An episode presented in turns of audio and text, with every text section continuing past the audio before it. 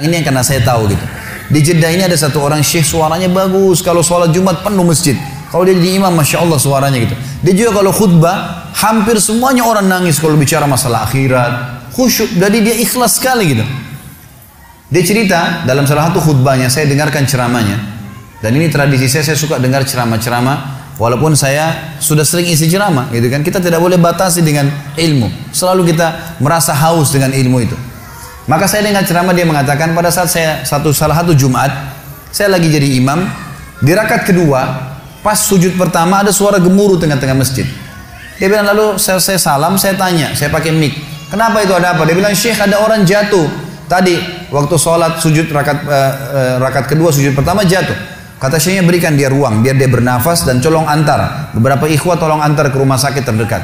Waktu diantar kata dokternya orang ini sudah mati setengah jam yang lalu. Maksudnya pada saat dia lagi sujud di hari Jumat, gitu kan? Ini luar biasa. Kata syekhnya, ini jelas-jelas husnul khatimah. Hadis Nabi SAW, siapa yang meninggal hari Jumat tidak akan kena fitnah kubur.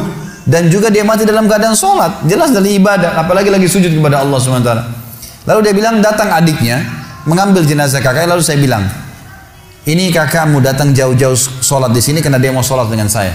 Dia mau dengar ceramah, dia mau dengar suara uh, bacaan Al-Quran, maka saya minta tolong izinkan saya memandikan jenazahnya. Kata adiknya baiklah silakan. Datanglah Syekh ke rumahnya dimandikan jenazahnya. Kemudian malam takziah pertama dan disunahkan tiga malam takziah.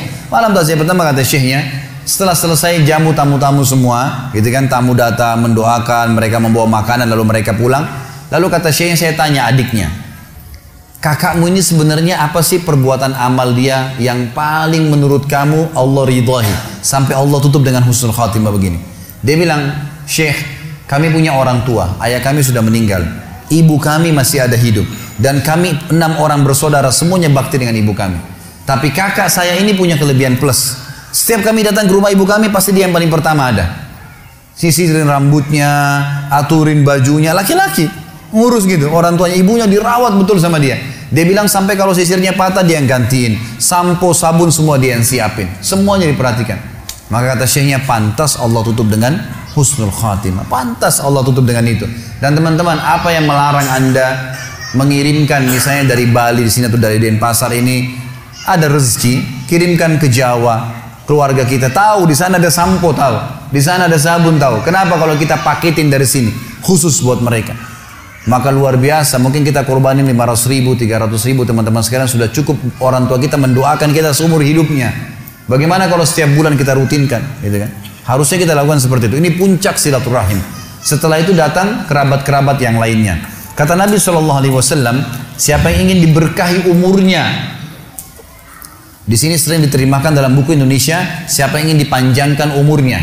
Gitu kan Sebenarnya tidak ada kata-kata panjang umur ya, karena umur sudah ditentukan 60 ya 60. Tapi di sini maksudnya diberkahi.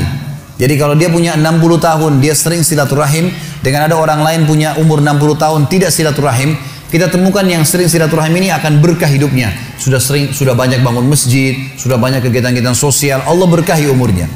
Siapa yang ingin diberkahi umurnya dan diluaskan rezekinya, maka dia sebaiknya melanjutkan silaturahim.